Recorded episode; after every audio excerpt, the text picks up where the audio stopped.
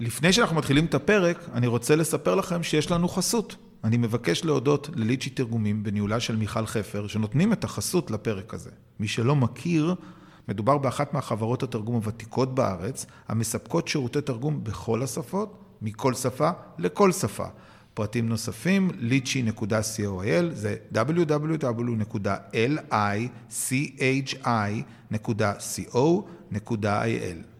יאללה, מתחילים.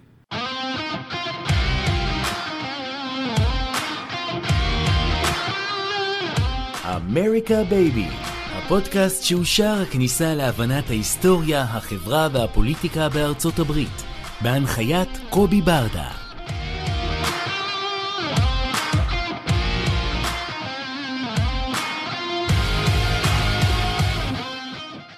שלום וברוכים הבאים לעוד פרק שלנו של אמריקה בייבי והערב יש לנו אורח מיוחד דוקטור לב טופור עמית מחקר במכון ISGAP עמית מחקר במכון וולף באוניברסיטת קיימברידג' בריטניה עמית מחקר בכיר במרכז לחקר סייבר משפט ומדיניות באוניברסיטת חיפה ועמית מחקר לשעבר במכון הבינלאומי לחקר השואה ביד ושם. טופור הוא חוקר בינתחומי ומתמקד בחקר האנטישמיות וחקר מדיניות במרחב הסייבר.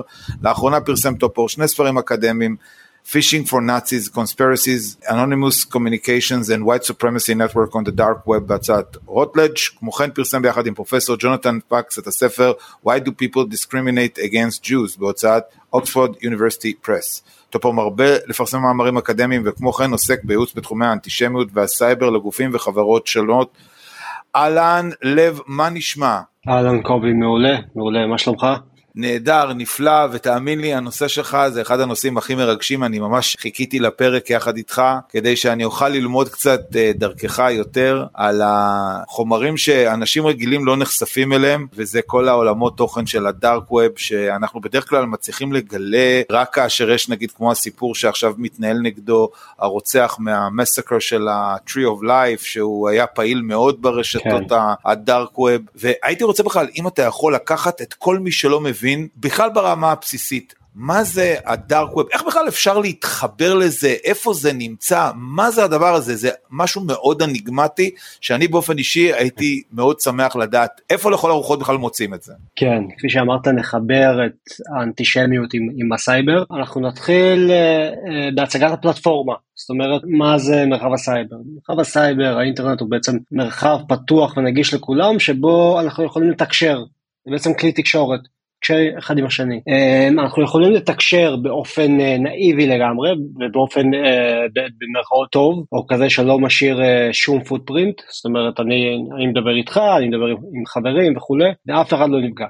ואנחנו יכולים לתקשר בצורה שהיא שלילית יותר ושיש לה אימפקט שלילי, אנחנו יכולים להפיץ מידע אה, כוזר, אנחנו יכולים להפיץ מידע גזעני, אנטישמי, לקדם אנטישמיות, וכמובן לקדם רדיקליזציה, עד לכדי מצב שבו אנחנו נראה אנשים שעוברים תהליך שטיפת מוח מסוים, והולכים, וכפי שהזכרת את ההקשר של ה-Tree of Life, הולכים, מחפשים אה, how to guides כאלה, ומחפשים נשקים, מחפשים אה, קולגות, הולכים, אוספים מל"ם מה שנקרא, עושים מודיעין לפני, ויוצאים ויורים עם אם זה בבית כנסת או במסגד או בקהילות של, בארצות הברית ספציפית קהילות של אסיאתים או קהילות של אה, שחורים וכולי. אה, זה בעצם מרחב תקשורת. עכשיו, הוא מרחב תקשורת גלוי.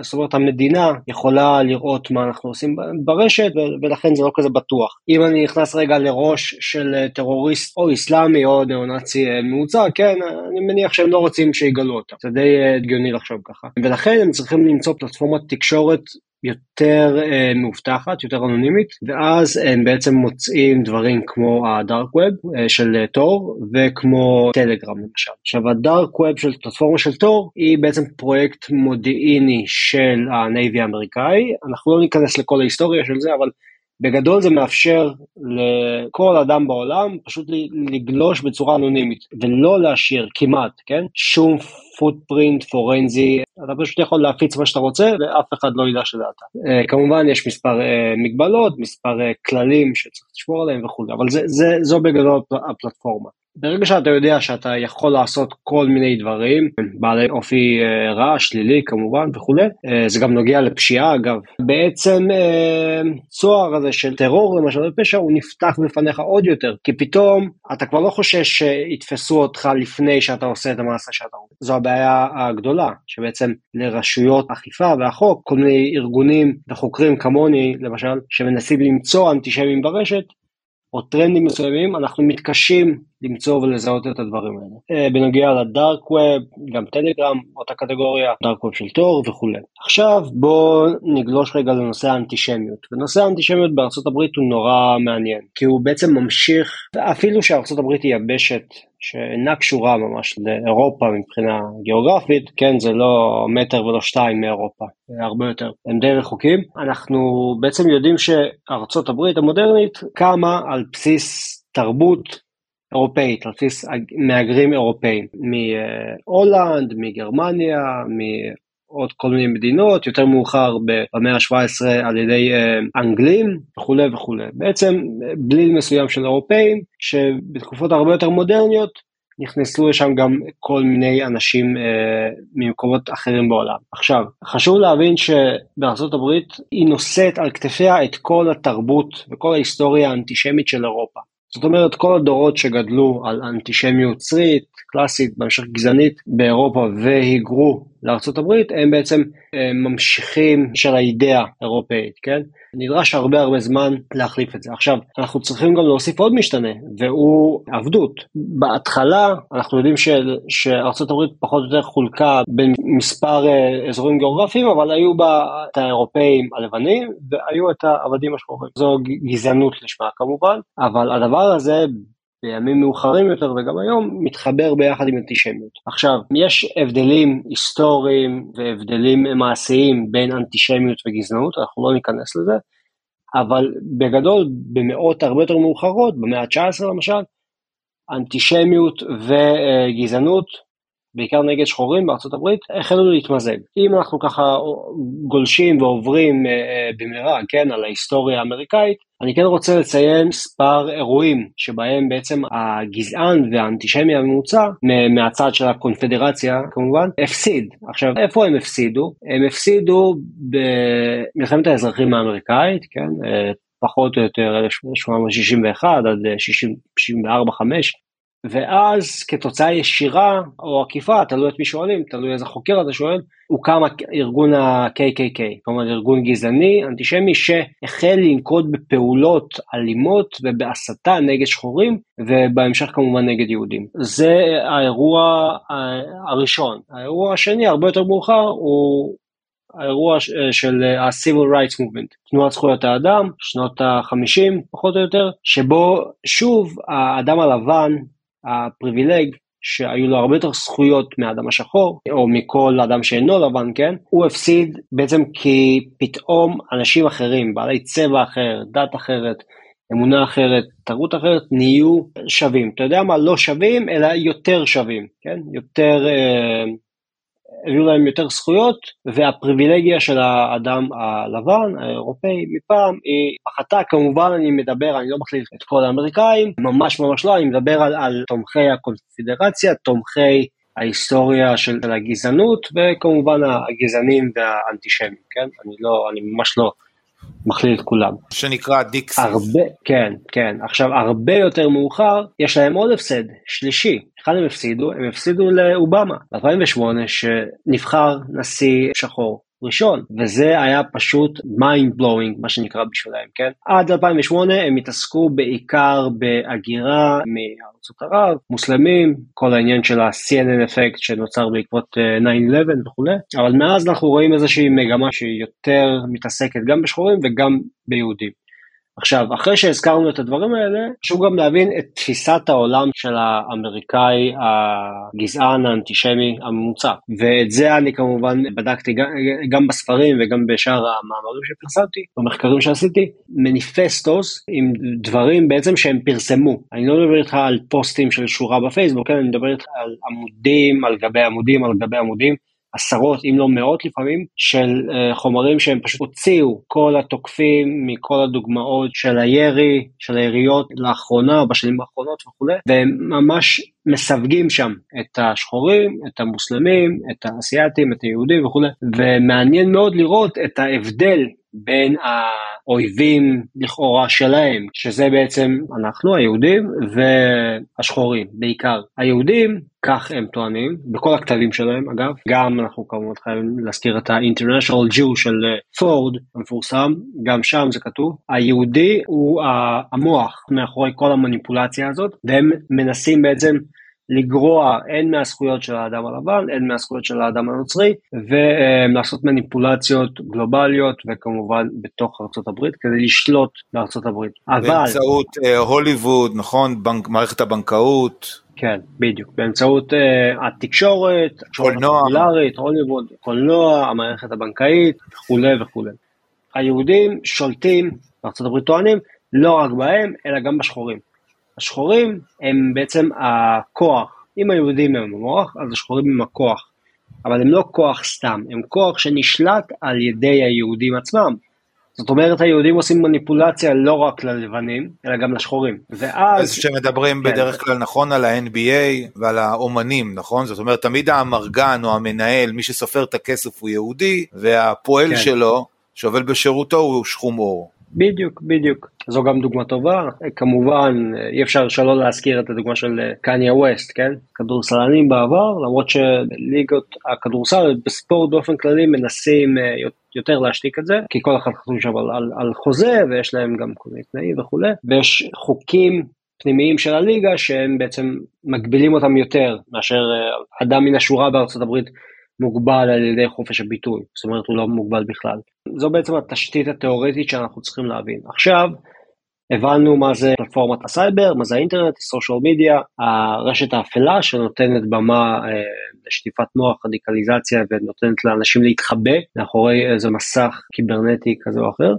והבנו מה זה אנטישמיות וגזענות בארצות הברית, מה המקור. ועכשיו בואו נדבר על דברים טיפה יותר מודרניים. ואנחנו יכולים להתחיל, אחת הדוגמאות הכי הכי הכי ידועות, שזה בעצם מהומות בקפיטול, בקפיטול היל. המהומות האלה החלו, אני לא נכנס כמובן לכל הנושא של אה, הפוליטיקה, איזה פוליטיקאים ניסו לחמם איזה קהל וכולי. זה, למרות שזה כן משנה, לדיון שלנו זה נכון לעכשיו לפחות זה פחות משנה, כי אנחנו רואים שהגיעו לנסות להשתלט על הקפיטול, הגיעו הרבה הרבה אנשים אה, אנטישמים, גזענים, תומכי קיו אנון, תומכי תיאוריות קונספירציה כאלה ואחרים, הניפו צלבי קרס, נראו שם אנשים עם חולצות שכתוב עליהם דברים על השואה, וזה בעצם עוד אירוע מכונן שבו, בו כמובן הם לא הצליחו, כן, אבל המניע מאחורי הדבר הזה היה ששוב, כמו שאמרנו לפני כן, יהודים מנסים להשתלט על ארה"ב או שולטים על ארה"ב ולכן צריך לעשות פעולה דרסטית כזו או אחרת בשביל, בשביל למנוע אה, אותם. צריך לשאול היכן המגמה כיום, האם ה... איזו מגמה, האם המגמה היא כלפי מעלה או כלפי מטה, או שאנחנו מדברים אולי על קו ישר, על פלטו, אמ, וזו שאלה נורא נורא מעניינת, שאלה שגם קשה לענות עליה, ואני אסביר למה. הרבה מאוד חברות, הרבה מאוד מחקרים, מראים שיש עלייה באנטישמיות ברשת, באנטישמיות בארצות הברית באופן אה, ספציפי, ו- ומה שהם עושים זה שהם סופרים פוסטים, סופרים לייקים, סופרים שיירים, סופרים תגובות בטוויטר, בפייסבוק, ועוד כל מיני פלטפורמות כאלה ואחרות. ועכשיו נשאלת השאלה מי באמת כותב את כל הפוסטים האלה ומי מפיץ את זה. במרחב הסייבר, האם אלף פוסטים שווים לאלף אנשים? אה, ממש ממש לא. היום גם אני וגם אתה וגם כל משתמש אינטרנט מתחיל, צעיר, יכול לפתוח עשרות אקאונטים, יכול להשתמש בבוטים, ובעצם אמ, פוסט אחד או דעה של מישהו אחד הופכת במהרה לפוסט בטוויטר, פוסט באיזה קבוצה בטלגרם, פוסט בפייסבוק, איזה משהו ביוטיוב וכולי וכולי. זה בעצם, יש מעין תופעה של cross platforming כזה, ואדם אחד מפיץ הרבה הרבה הרבה תכנים. חשוב להבין שככל שאנחנו הולכים ומתקדמים, כן, עם הטכנולוגיה, אנחנו גם כאנושות, כחברה גלובלית, משתמשים ברשת הרבה הרבה יותר. מן הסתם, כן, זה די הגיוני ש... תהיה עלייה באנטישמיות, תהיה עלייה גם בעוד כל מיני תופעות חברתיות שליליות כאלה ואחרות, אבל אם אנחנו מדברים על אנטישמיות, אז אנחנו רואים ש... כמעט כל מחקר וכמעט כל חברה, חברת uh, סייבר כזו או אחרת, שהולכת ובודקת, רואה שיש מגמה כלפי מעלה, והרבה טוענים שיש יותר אנטישמיות. אני מהמחקרים שלי לא ממש בטוח שזה נכון, נורא קשה למדוד את זה אמפירית. אחר כך אני אולי אציין את הנושא של הכחשת שואה, כן, איך יש קמפיין ממשי של uh, מספר ארגונים ומספר אנשים להכחיש שואה, מקדמים תכנים שמקבלים מיליוני על גבי מיליוני צפיות, אחר כך אם יהיה לנו זמן נציין את זה, אבל אנשים הולכים ומפרסמים פוסטים ועושים שיירים ולייקים וכולי, ולא בטוח שכולם אנשים אמיתיים, או לא בטוח שכולם הרבה אנשים, יכול להיות שזה שאיש אחד מפיץ 50 פוסטים, כן? אמפירית נורא נורא קשה לבדוק את זה. האם זה אומר שאין עלייה? לא, אבל זה לא אומר שיש עלייה ודאית. האם יש ירידה? אני לא מאמין שיש ירידה, אנחנו בעצם רואים שקשה נורא לעצור את זה, גם, גם חברות הסושיאל מדיה מתקשות וגם אנשים שעושים, אה, שמדברים נגד זה, כן, זה נקרא counter speech, או כל מיני ארגונים כמו ה-SPLC אה, או ה-ADL, כן, וכולי, גם הם נורא מתקשים. האם יש מגמת אה, ירידה? אני לא בטוח. יכול להיות שיש פלטו מסוים. עכשיו, הדבר החשוב לציין פה הוא ש...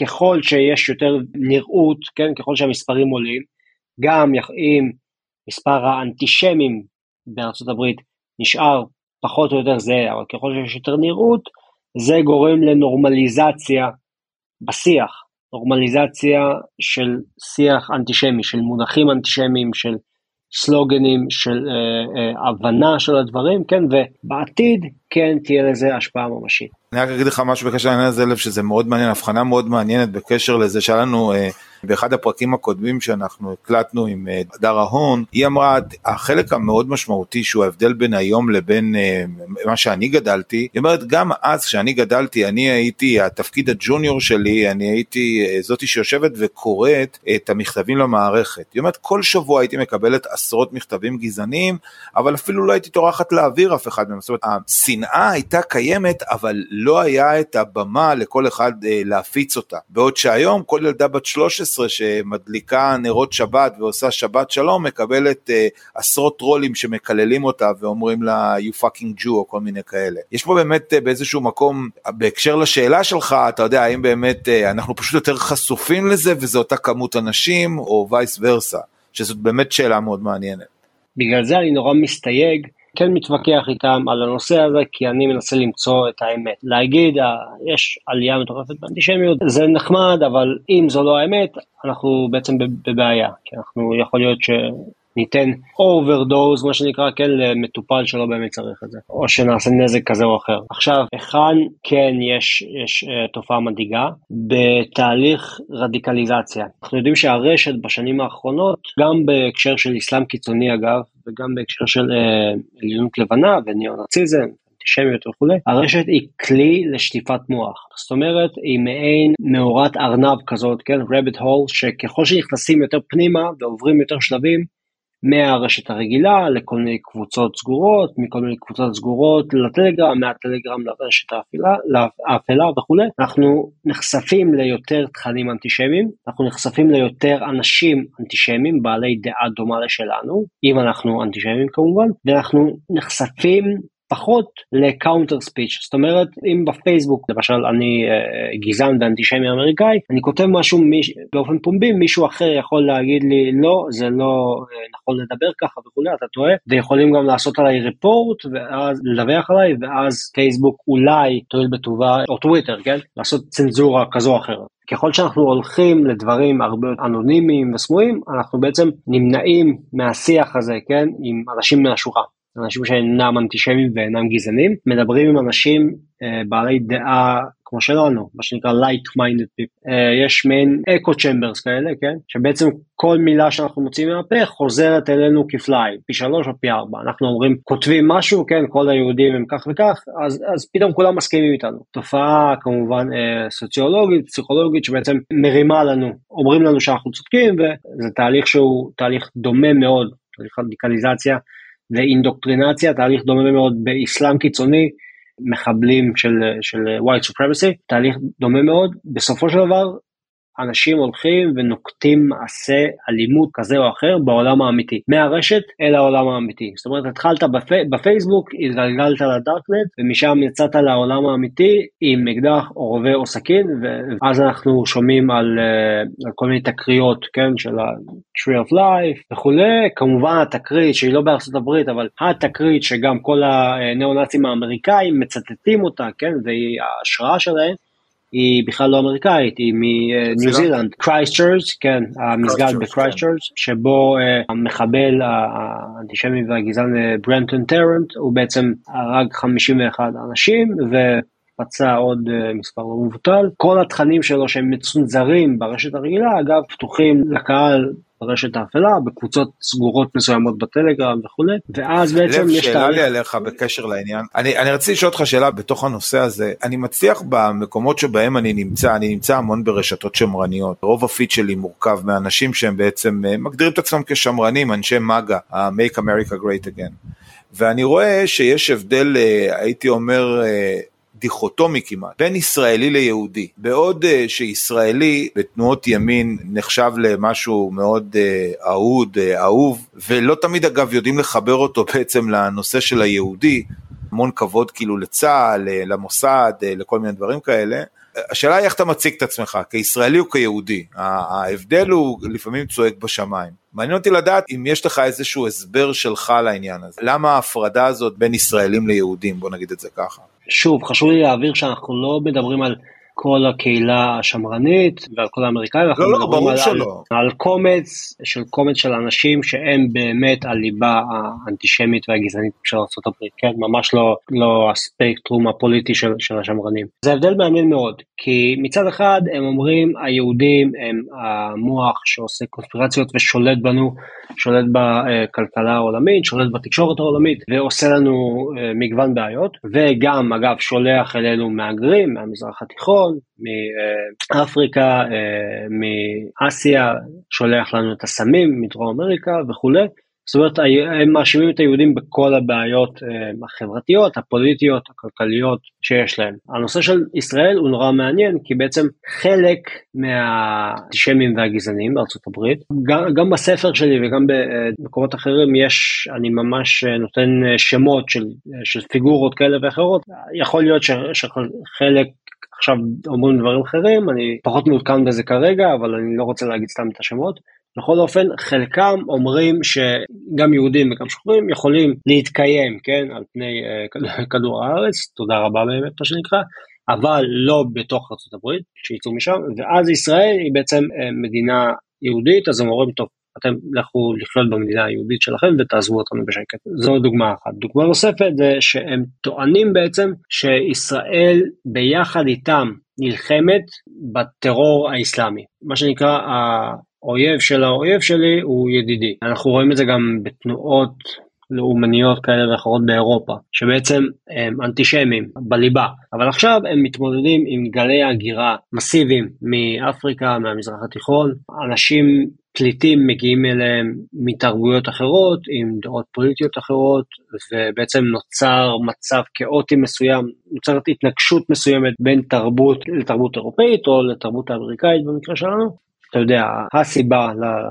לדבר הזה כמה שנים הייתה כמובן 9-11, כן? בגלל התאומים, כל הטרור אה, כמה שנים לפני, כמה שנים אחרי, ואז ישראל בעצם היא עוד צד שעוזר להילחם בכל הדבר הזה, כי, כי אנחנו מתמודדים עם תופעות דומות, כן? אוקיי, okay, אני רוצה לשאול אותך שאלה, שאני ארשה לעצמי מה שנקרא to play the devil, אוקיי? ואני ארצה לשמוע, אני מניח שזה מסוג הדברים שאתה, יש לך תשובות מוכנות אליהם, אבל אה, אגב אני רואה את זה אפילו בחלק מהשיח הישראלי, עזוב רגע שיח אמריקאי, שיח ישראלי ממש. אני אתן למשל דוגמה, אומרים, כן, היהודים או ארגונים מסוימים כמו ה-Open Society של סורוס, שבבסיס שלו הוא מהמר על מטבעות, כשהוא עושה את הדבר הזה, הוא עושה את זה כדי, כל המהלך שסורוס עושה הוא כן לפגוע בחברה. גם עצם זה שהוא משקיע מיליארדים בחברה, זה כדי להביא למיטוט מבפנים של החברה. נגיד זה טיעון אחד, אוקיי? טיעון אחר זה שהרי יהדות ארה"ב היא יהדות ליברלית, היא מתחזקת הרבה מאוד, אה, בתרומות כמובן, אה, בגלל התחושה של הביחדנס וכן הלאה, נושא של לסייע לפליטים, לאומללים, יש הרי את כל מה שאמה לזרוס על פסל החירות, הבו לי את כל המסכנים, האומללים, זאת אומרת, זה בתפיסה היא תפיסה מאוד יהודית. אבל כלפי חוץ זה אומר אוקיי אתם דואגים לייבא, אתם נותנים את התשתית, אתם מתחזקים את האירוע שבסופו של דבר מביא למיטוט של, של החברה שלנו, שלוקח את מקומות העבודה שלנו. אותו הדין אגב לגבי החשיבה הגלובליסטית, על הנושא הזה שארגונים, הרבה פעמים הרבה פעמים ארגונים יהודים מובילים את הנושא של טשטוש הגבולות, חשיבה גלובלית, מעבר חופשי, גלובליזם. כחלק אה, מחשיבה אה, כלכלית וכן הלאה. איך בעצם מתמודדים מול טיעונים כאלה רציונלית לצורך העניין, בכלים רציונליים? אז הדברים האלה הם בעצם מוצאים מהקשרה. ואגב, פה אני אכניס גם את הדוגמה של הירי אה, בפיטסבורג, אם אני לא טועה, אוקטובר, סוף אוקטובר אם אני לא טועה, 2018, על ידי אה, רוברט באוורס, כן. אז באוורס אה, בעצם בתכנים שהוא מעלה לרשת, הוא מאשים את ה-Hebrew Immigrant Aid Society, אני חושב שקוראים להם, והוא אומר שבעצם הארגון הזה, עוזר לפליטים. ארגון כן, כן, להם, כן. הוא קורא, כן, הוא קורא להם, אה, לפליטים האלה invaders, כן, ושוב, מאשים את היהודים כי היהודים בעצם מממנים את זה, כמו, כמו הדוגמאות שציינת. כמובן הוא לא, לא בהקשר הנכון, כי אנחנו בעצם, אם אנחנו מסתכלים על ערכים יהודים, כן, של אה, אה, תיקון עולם, עזרה לזולת אה, וכולי, אז אנחנו רואים שהפרשנות שלהם, של הגזענים, של האנטישמי, היא מוטעית, כי הארגונים היהודים מנסים בעצם לעזור לכאלה ש... שלא התמזל מזל... מזלם בחיים, כן? שהם היגרו או שנפלו ל... ל...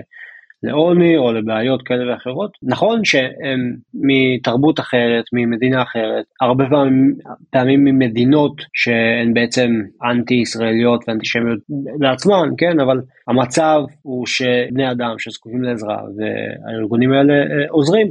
כמובן שיש שיקולים עסקיים כאלה ואחרים, כמו שהזכרת בנושא של סורוס, אני חושב שהפרשנות של האנטישמים היא פרשנות מוטעית, כי בסוף אם אתה, אתה יודע, בוא ניקח דוגמה מאירופה, שיצא לי לדבר איתה לא מזמן עם, עם, עם קולגה מאירופה, ממדינה במזרח אירופה, אשמח לא לציין את שמה, דיברנו על הקנייה המסיבית של ישראלים, נדל"ן במדינה מזרח אירופאית מסוימת, והיא אמרה לי שהדבר הזה מעלה את רמות האנטישמיות באותה מדינה, כן? ואז אני הסברתי לה שיהודים וישראלים סך הכל מחפשים השקעה עסקית, לא אכפת לנו אם זה במדינה, אתה יודע, X, Y, Z, אבל הם תופסים את זה בצורה אחרת. גם בתוך ארה"ב תופסים את הדברים האלה עם פרשנות שונה, וכמובן יש לזה גוון פוליטי מסוים, כי כל, אה, אתה יודע, פיגורה פוליטית כזו או אחרת מנסה להאשים מישהו אחר. הרבה יותר קל להאשים מישהו אחר. את זה אנחנו רואים לאורך כל ההיסטוריה של האנטישמיות. תמיד מאשימים את היהודים ולא מחפשים את הבעיה האמיתית. הרבה יותר קל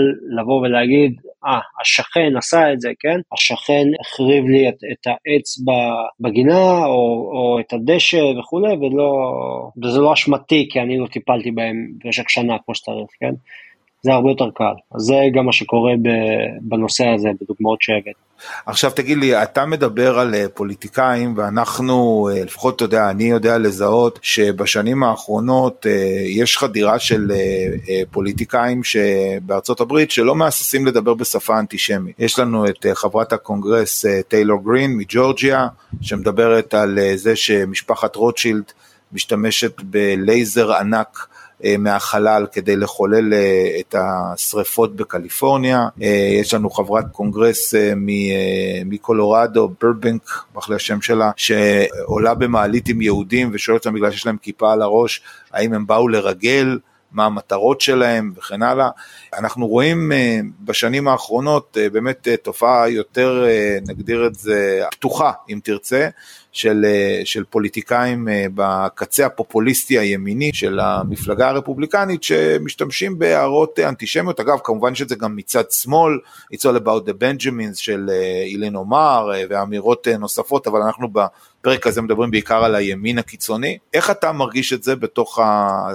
המחקר שלך את נגיד תופעות שלי לא היו מוכרות, הן יחסית חדשות של פוליטיקאים, בעיקר פוליטיקאיות מה, מהימין העמוק האמריקאי הפופוליסטי שתוקף את יהודים. כן, תראה, אני כמובן חייב להזכיר את הדוגמה האחרונה, כן, הממש ממש טריה, של, של uh, רוברט אף קנדי ג'וניור, נכון. שבעצם אמר ש... אבל הוא במפלגה כן, הדמוקרטית. יפה, אז תראה, תראה את ה... כביכול חוסר התיאום. הדמוקרטים אמורים להיות אלה שהם יותר ליברליים, כן? למרות שעכשיו זה כבר נושא שלנו במחלוקת, כי יש שם אנשים שמקדמים יותר את האסלאם הפוליטי, את האחים המוסלמים וכולי, את הרעיון של הפלסטינים, אבל, אבל לא משנה בנושא הזה, אבל הוא בעצם אמר שהקורונה היא, נסע בצורה כזו או אחרת שהיא השפיעה על, על אנשים מסוימים יותר מאשר על אנשים אחרים, כן? ומי שבעצם נותר יותר מוגן מפני הקורונה הם יהודים ואנשים אחרים. לא בטוח אם הוא אמר את זה אתמול או, או הבוקר, אני כבר לא זוכר מתי ראיתי. לפני כמה ימים, כן. אה, כן. לא, לא, אני לא זוכר מתי ראיתי את התגובה שלו, כן, אבל שזה היה ממש לא, לא מזמן, לפני כמה שעות או אתמול, הוא אמר אמירה אנטישמית, כן? בואו לא נאפה את הדברים. הוא אמר אמירה נורא אנטישמית, אבל מאוחר יותר הוא אמר שהוא יותר פרו-יהודי מרוב אה, חבריו במפלגה, פרו, סליחה, ישראלי. אז הוא אמר משהו אנטישמי, זאת אומרת הוא אנטישמי, הוא פנה עם הגרסה הזאת לקהל מסוים, ופתאום הוא אמר, טוב, אני בכלל יותר פרו-ישראלי מרובכם, שישראל היא מדינה יהודית, ואז אתה כמובן שואל את עצמך איך זה מתחבר עם קונספירציות שעלו, שישראל בעצם היא זו שאחראית אה, לקורונה. יש פה בליל מסוים של, של דברים ש, שזה כבר כאוס שלם, נורא מעניין כי בסוף הדבר הזה הוא כלי נורא נורא פוליטי, כי שוב אנחנו חוזרים למבנה של התקשורת ולמבנה של הרשת למשל, כן? הדברים האלה מחוללים סערה, מצד אחד חודרים את השריון של הימין הקיצוני וככה הוא יכול להתחבב עליהם, מה שנקרא, כן? מצד שני הוא גם אומר, טוב, אני בכלל פרו-ישראלי. אז נשאלת השאלה, האם, האם הוא, בוא תגיד לי אתה, האם הוא אנטישמי או לא? כן, כן, בהחלט. שאלה, שאלה קשה, כן. כן. טוב, תראה, אנחנו, מבלי ששמנו לב, אנחנו נהנים לנו פה. הייתי רוצה ככה, בנאטשל של ה... ככה נגדיר את זה בשאלה האחרונה, מבט קדימה. עלייה של ה-AI והיכולות להפיץ מידע הרבה יותר מהירות, האופן שבו העולם מתכתב. הוקטור המאוד ברור של איפה אנחנו הולכים, תן לנו איזשהו insight להערכתך בכמה משפטים לאיפה אנחנו הולכים בעוד 4-5 שנים, נגיד עד סוף העשור, בעולמות תוכן האלה של אה, אנטישמיות אה, בארצות הברית, גזענות ו-white supremacy. טוב, לצערי, כן, התחזיות הן די אה, שליליות. תראה, בגלל שבארצות הברית מקדשים את חופש הביטוי, ואנשים יכולים להפיץ כל מה שהם רוצים, יכולים לעשות מצעדים תומכי נאציזם, מצעדים אנטישמיים, יכולים לצעוד, כמו שראינו בשרלוטסוויל ב-2017, לצעוד עם uh, להבות ולצעוק Jews will not replace us, כל זה בעצם חוקי לגמרי בגלל חופש הביטוי. מה שלא חוקי זו האלימות עצמה. זאת אומרת, אם אני ניאו-נאצי אמריקאי מן השורה, אני יכול להגיד כל מה שאני רוצה על יהודים ועל שחורים ועל אה, סינים ועל כל מי שאתה רק אה, חושב עליו, אבל אני לא יכול ללכת ולעשות להם משהו, כן? אם אני רוצה להישאר, מה שנקרא, חופשי. הבעיה שהמילים שלנו משפיעות על אנשים אחרים, והרשת, חופש הביטוי והמבנה של הרשת מאפשר בארצות הברית קרקע פוריה לתהליך רדיקליזציה שבו אנחנו רואים עוד ועוד אנשים שהולכים ולוקחים יוזמה ועושים מעשה. כמובן לתוך זה אתה יכול אה, אה, להכניס את הפרמטר של, של הנשק, כן, שנורא קל להשיג נשק, ואז בעצם יש לנו פה תבשיל נורא נורא אה, אה, מעניין, ולדעתי אנחנו נראה דברים יותר רדיקליים, אלא אם כן תהיה התפתחות דרמטית, כן, ברמה הפוליטית או ברמה הטכנולוגית, אנחנו נראה משהו הרבה יותר גרוע ממה שראינו בשנים האחרונות. וואלה, תשמע, היה תענוג, אה, אני באופן אישי למדתי הרבה, אני מאוד מקווה שגם המאזינים שלנו. בסוף התמונה נשמעת קצת קודרת, אבל אה, אין מה לעשות, אה, אם זה המצב, זה גם התחושה הפנימית שלי, אז, אז כנראה ש, שלשם אנחנו הולכים, עולם מאוד בעייתי. אבל אני רוצה להודות לך על הדקות הסופר מרתקות האלה שנתת לנו, נשמח לארח אותך בעתיד במגוון נושאים שבהם אתה עוסק. תודה, תודה רבה, שמחתי נורא להתארח. תודה רבה שהאזנתם לפרק הזה. אתם יכולים למצוא אותנו בכל האפליקציות של הפודקאסטים, דוגמת ספוטיפיי, אפל, גוגל פודקאסט ועוד. ושוב, המון תודה לליצ'י תרגומים בהנהלת מיכל חפר, בית לשירותי תרגום בכל השפות על חסותם לפרק זה, שניתן למצוא באתר lichy.coil, זה www.lichi.co.il. תודה מיוחדת לחברת הפודקסייה בניהולו של שלום סיונוב על הפקת הפודקאסט הזה. נתראה בפרק הבא.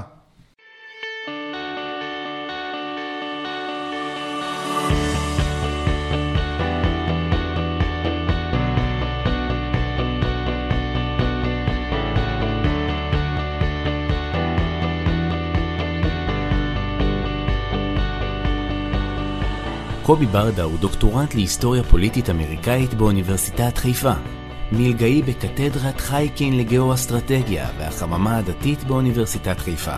ומחבר הספרים המפתח להבנת טראמפ ו-Grassroots Path to Congress. מחקריו מתמקדים בשדולות למען יחסי ישראל-ארצות הברית ובפוליטיקה אמריקאית.